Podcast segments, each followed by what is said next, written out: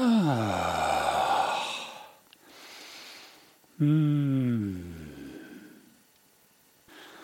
La oss kjøpe mer enn andre og ei ta vare på de ting vi har. La oss kjøpe mer enn andre.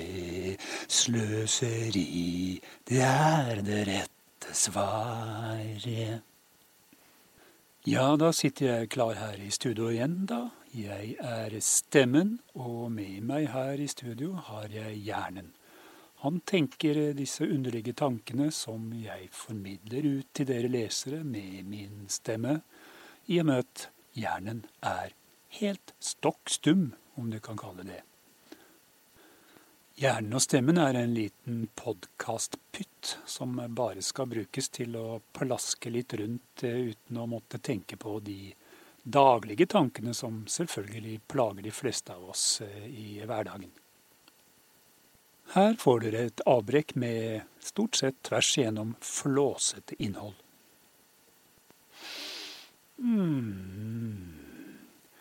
De tankene som kravler og kryper gjennom hjernen til hjernen i dag, er tydeligvis noe som dreier seg om å bli en bedre sløser. Ved siden av å være tidvis gode på ski, så er vel egentlig sløsing det eneste Norge er riktig, riktig bra på. Helt i verdenstoppen. Og det er jo glimrende, syns hjernen. Særlig med tanke på at vi egentlig er en nasjon av fattige fiskere og bønder. I hvert fall om vi går tilbake til før den annen verdenskrig. Og så har vi hatt veldig mye flaks opp gjennom årene, mener hjernen. Og da peker han først på okkupasjonen under annen verdenskrig. Nå stusser du kanskje over det at hjernen kaller dette for flaks, å bli invadert og okkupert av en gjeng med nazister. Og det kan jo si, det var jo uflaks. I og for seg så pådro vi oss i stor grad den uflaksen sjøl med å være så elendig forberedt som det går an å være. Men kanskje ikke så underlig med tanke på at Norge besto av fattige bønder og fiskere, stort sett. Som vi allerede har vært inne på. Og det er kanskje ikke de beste til å forberede seg på et potensielt krig eller en mulig invasjon som alt tyder på vil komme. Nei, det hjernen mener er det store lykkeloddet, den store flaksen for Norge og for nordmenn i forbindelse med okkupasjonen, er ikke de lidelsene okkupasjonen pådro oss, men det faktum at vi fikk bygd opp en fantastisk infrastruktur. Veier og jernbaner og hva det skal være i løpet av krigsårene. Og det er ikke å snakke om at Norge hadde klart å bygge opp det på egen hånd, uten okkupasjonsmaktenes hjelp. I og for seg så ble det jo bygd opp med hjelp av krigsfanger og slaver. Og ikke noe spesielt godt betalt heller. Kanskje de ble slått litt hardt eller drept, eller ikke fikk så mye mat og døde i en masse underveis. Det er jo trist. Veldig trist. Men til syvende og sist, når eh, tyskerne da til slutt var jaga ut, så var det jo flaks for Norge at vi hadde den infrastrukturen. Etter hjernens mening ville vi aldri i livet ha klart å bygge opp noe lignende, ikke i nærheten, på egen hånd, uten krigen. Og når vi først er inne på etterkrigstiden, så peker hjernen umiddelbart på flaks nummer to. Flaks nummer to er jo all den hjelpen, Marshall-hjelp og alt det der, som Norge fikk med å bygge opp igjen landet som hadde blitt så ødelagt av disse okkupasjonsmaktene. Sånn rent bortsett fra all den infra infrastrukturen som de bygde.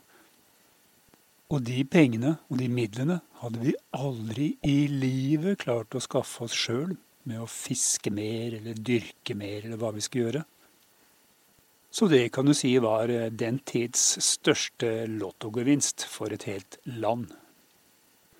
Men til tross for all denne hjelpen og alle disse pengene som ble skutt inn, så fortsatte jo Norge å være et eh, relativt nitrist og temmelig fattigslig land i mange år etter det også. Helt til noe helt spesielt skjedde. Flaks nummer tre. De Crazy Americans fikk lov til å surre på der ute i eh, Nordsjøen og tro at de skulle finne olje, tullingene. Og så gjorde de det, og de fant mye. Så kan man jo spørre seg, kunne ikke vi nordmenn ha funnet den oljen selv, uten at amerikanere kom inn og gjorde det? Nei, det var ingen som tenkte på det. Det var ingen som trodde på det. Så ja, det var flaks at amerikanerne kom, og at de fant olje. Og når oljeutvinningen var godt i gang og pengene begynte å pumpe inn også, så startet det som vi kaller extreme changeover, eller makeover, sånn på norsk, da, i dagens eh, norske språk. Og det består jo at eh, nordmenn sånn lynhurtig skulle transformeres til eh, fra å være fattige duster som rota rundt i uh, Innkjevetta, til å bli veldig velstående og ha en høy velstand. Og kunne kjøpe omtrent alt de pekte på, og fortsatt kjøper alt de peker på. Ingen rikdom er så herlig som nyrikdom. Så gjennom 80- og 90-tallet så hadde vi en superbratt lærekurve der vi lærte å begynne å sløse riktig, riktig bra. Og når vi kom inn på 2000-tallet, så hadde vi passert alle andre nasjoner og plassert oss helt på sløsetoppen. Og der har vi klora oss fast. Men i dag er det en ny situasjon. Det har kommet noe irriterende mas om overforbruk. At vi bruker mer ressurser enn det jorda klarer å fornye. At vi har noe som heter klimaforandringer som kan påvirkes av forbruket vårt, eller overforbruket. Og det skaper nye utfordringer. Hvis Norge skal klare å holde posisjonen på sløsetoppen, så må vi trå til alle og en her i landet. Det holder ikke med den sløsinga dere driver med i dag. Her må det dobles, minst, hvis vi skal holde oss på plass og være ledende i verden. For å sløse så trenger man penger, skulle man tro, ikke sant? Gi oss penger, mer og mer penger, det er alt vi trenger, ikke flere syke senger. Gi oss penger, mer og mer penger, mer og mer penger, er alt hva vi vil ha. Vi kan ikke leve med mobiler fra i går. Vi må ha det nyeste, så alle forstår at vi er de rikeste og likeste og beste. At vi er så mye, mye bedre enn de fleste. Vi kan ikke kjøre en fjorårs bilmodell. Da vil alle tro at eh, vår rikdom er på hell. Vi må demonstrere, presentere og bevise at vi slettes ikke er i noen krise. Så gi oss penger, mer og mer penger, gi oss mer penger, det er alt vi trenger. Eller er det egentlig det, hvis du skal bli en riktig, riktig stor sløsekonge? Hvis du skal ha en mobil som aldri er noe mindre enn den absolutte toppmodellen, og som aldri er eldre enn tre måneder. Eller den beste og største TV-en på markedet, som aldri må være eldre enn seks måneder. Eller de dyreste og feteste joggeskoene som du aldri bruker mer enn én dag på rad. Og må du virkelig ha penger for å kunne spise på de dyreste og mest hippe restaurantene minst fem ganger i uka, og spandere på en sju-åtte venner hver gang? Nei, mener hjernen. Så absolutt ikke. Det er så klart fint å ha penger, men eh, du trenger ikke tjene dem, mener hjernen. Du kan låne. Det er så mange som tilbyr lån nå for tida, og du kan egentlig bare spre det ut på en si 67, 68, 69, 70 forskjellige långivere av forbrukslån, og du kan kjøpe ting på avbetaling hvis du skal ha eh, det nyeste hele tiden. Du Kan jo abonnere på mobiltelefoner og TV-er, som du bytter hver tredje og hver sjette måned f.eks. Og i tillegg til disse vidunderlige som heter lån og kredittlån og sånn kontokreditt og den greiene der, og avbetalinger, så har vi noe helt fantastisk fine greier som heter kredittkort. Og du milde Mathilde, de kan jo ha mange av de. Det er det bare å starte med ett eller to lån og kanskje en avbetaling. Så kjører du på da helt til det begynner å komme inkassovarsel. Eller inkassokrav, for så vidt. Da må du skaffe deg et nytt lån eller en, et nytt kredittkort som du kan da bruke til å betale ned på det som er til forfall. Så gjelder det bare å ligge litt foran hele tida. Skaffe deg nytt kredittkort eller nytt eh, kontokreditt. Åpne en ny bankkonto. Eller eh, ta opp et nytt forbrukslån. Eller en sånn SMS-lån, hvis det ikke er så altfor store summer. Så kan du holde deg på topp i mange, mange, mange år. De beste sløserne, ekspertsløserne, de klarer å, å kjøre på den stilen der i stort sett hele livet. Ah. Ja, det viser seg jo da at uh, veldig mange nordmenn har skjønt dette her allerede. Og har tatt opp sinnssykt mye lån og har ekstremt mye kontokreditt og veldig mye utnytta kreditt på disse her kredittkortene, som vi kanskje, ofte har mange forskjellige av. Så det borger jo for at uh, nordmenn skal klare å holde seg på verdens sløsetopp i ei stund til fremover. Men uh, hjernen er likevel bekymra for at det kan begynne å glippe snart. Det er stadig flere og flere som driver og gnåler om at de må begynne å kjøpe ting som varer, og ta vare på det vi har, og bruke det lengre, og reparere Verne om miljøet verne om kloden, ikke skape så mye søppel og farlig avfall. Og passe på at ikke den globale oppvarmingen går helt bananas. Det er utrivelig å høre på sånt gnål. Men her gjelder det å heise opp skuldrene bite tenna sammen og klinke til videre. Hold oppe sløseriet. Sløs mer, kjøp mer, mer kreditt, mer avbetaling, mer lån. Kjør på. Hvis vi får med oss flere, så kan vi klare å holde oss der i verdenstoppen. Det er håp, syns hjernen. Han ser på ungdommen, som har blitt stadig flere, på, flere og flere som er dyktige på overforbruk. Det er gode tegn også i, eh, blant de middelaldrende som klarer å holde kjøret oppe. De er ofte de som også har eh, vent seg til en livsstil som eh, har et veldig høyt forbruk og en høy høytførende, høytsvevende livsstil. Og de eldre, de seniorene, pensjonistene, har også skjønt det nå. De driver og tar opp lån. Hvis de har noe eiendom, så klinker de til og tar opp det de kan av lån, opp til pipa og litt til, for å leve av det. For å virkelig sløse ut de siste årene av livet sitt. Nyte av, nyte av årets vår, eller hva det heter. Høst, heter det de siste dagene og siste timene og siste minuttene av livet sitt. Bruker og overbruker inn i steget før graven. Og kanskje klinke til der også med å kjøpe altfor dyr kiste og legge opp til en altfor dyr begravelse, som du betaler på kreditt på forhånd før du dør. Det er jo det som holder hjulene i gang. Det er det som er mantraen i samfunnet. Særlig i Norge, kanskje. Vekst, vekst, vekst og vekst. Forbruk, forbruk, forbruk, forbruk. Vi må sløse. Det må vi gjøre. Det er ingen annen vei å gå. Tæring før næring, den som spar han har. Det er de mest tåpelige uttrykkene som noen gang har blitt skapt, syns hjernen.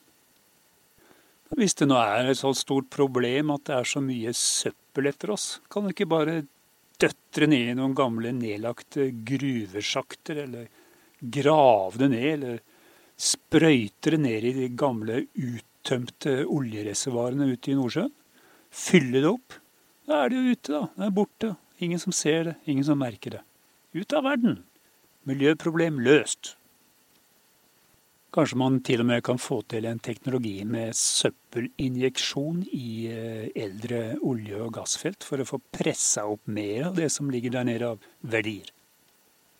deilige, deilige svarte oljeverdier som gjør at vi kan sløse enda mer. Lukk ørene, sett skylapper på for disse herre stakkarslige kritikerne som snakker om at vi tror at Norge er en overflod, mens vi egentlig lever båret oppe av understrømmer av lån og kreditt som kommer til å suge oss ned i dypet når som helst. Tullprat! Nei, løft det et hakk til, to hakk til. Kjøp en bil som er minst tre ganger som dyr som det du tror du har råd til. Kjøp en som er alt av ekstrautstyr, full pakke og litt til. Sørg for å få på noen gullforgylte greier her og der, så du får opp prisen ordentlig. Og så er det jo noe du virkelig kan vise fram da, og skryte av og brife med. Det er jo noe av poenget med å sløse. I det hele og store så er det sløsing som får verden til å snurre rundt, som får Norge til å se ut som et mye rikere og bedre og lykkeligere land enn det man egentlig kanskje skulle tro at det er. Og er det noe som er viktig her i verden, så er det appearance. Hvordan det ser ut som det er. Ikke så mye som hvordan det egentlig er. Husk det, små barn. Hmm. Hjernen syns ikke du skal være det minste redd for at gjeldsgaloppen skal innhente deg og trampe deg i hjel i det hele tatt. Det er ingen fare hvis du syns det begynner å brenne under føttene på deg. At du kanskje ikke har så mange nye kredittkort du kan tegne abonnement på, eller mulighet til å få så mye nye lån fordi du har en annen Ja, hva heter det? En kredittstempling, en punktmerking eller en prikning eller en koronofogd eller inkassosak, markering på det, som er synlig for eventuelle långivere og kredittkortutstedere. Hvis det begynner å komme dit, da har du én ting å gjøre. Og det er å bruke de siste lånene du klarer å få. Skaff deg så mange du kan. Så mange kredittkort du kan. Så mange bankkontoer du kan og kjør på. Utnytt det, maks det helt. Få ut alt du kan av disse her. Og så tar du det ut i kontanter, eller kjøper gull, eller kanskje enda bedre en eller annen kryptovaluta som ikke kan spore forbruket på. Og så bare lar du alt av regninger og alt sånn bare forfalle, helt til eh, det kommer noen og banker på døra og sier at eh, hør nå her, nå skal vi i retten. Og så sier de i retten at nå må vi trekke deg det du tjener over minste livsopphold i all fremtid, til du har betalt ned all denne gjelden din, som nå er på 744,3 millioner kroner. Det kan jo selvfølgelig aldri betale tilbake. Uansett nesten hvor, hvilken fet jobb du får, og hvor mye du tjener. Så da er jo løsningen klar, da. Da blir du naver, og så går du på sosialen og tigger penger en gang i måneden. Du har jo da selvfølgelig ingen eiendommer stående på deg. Du har sørga for, hvis du hadde noen eiendommer da dette skjedde, og har overført det til noen som kan være en slags stråeier for de eiendommene og bilene og utstyret du har slik at ingen kan komme og ta noe utpanting i dine verdier for å dekke gjeld. Du må selvfølgelig ikke ha noen bil for eksempel, som er registrert til ditt navn, eller et hus som står på deg. Absolutt ikke. Det kan de ta fra deg, så vær forsiktig der. En grei løsning kan jo være å betale han som pleier å sitte bak busskuret og drikke sprit, og sover inne i skuret om natta noen flasker med sprit. To-tre flasker med billig sprit for å registrere bilen på sitt navn. Og så er det du som bruker den. Så når du står der da, registrert i Nav sosial og får utdelt det som dekker eh, minimum livsgrunnlag hver måned, så kan du jo drive med å jobbe svart må for all ikke få deg en fast jobb, for da tar du jo alt du tjener over minimum livsgrunnlag uansett, for å dekke inn gjelda di. Så da er det svartjobbing som gjelder, ikke sant?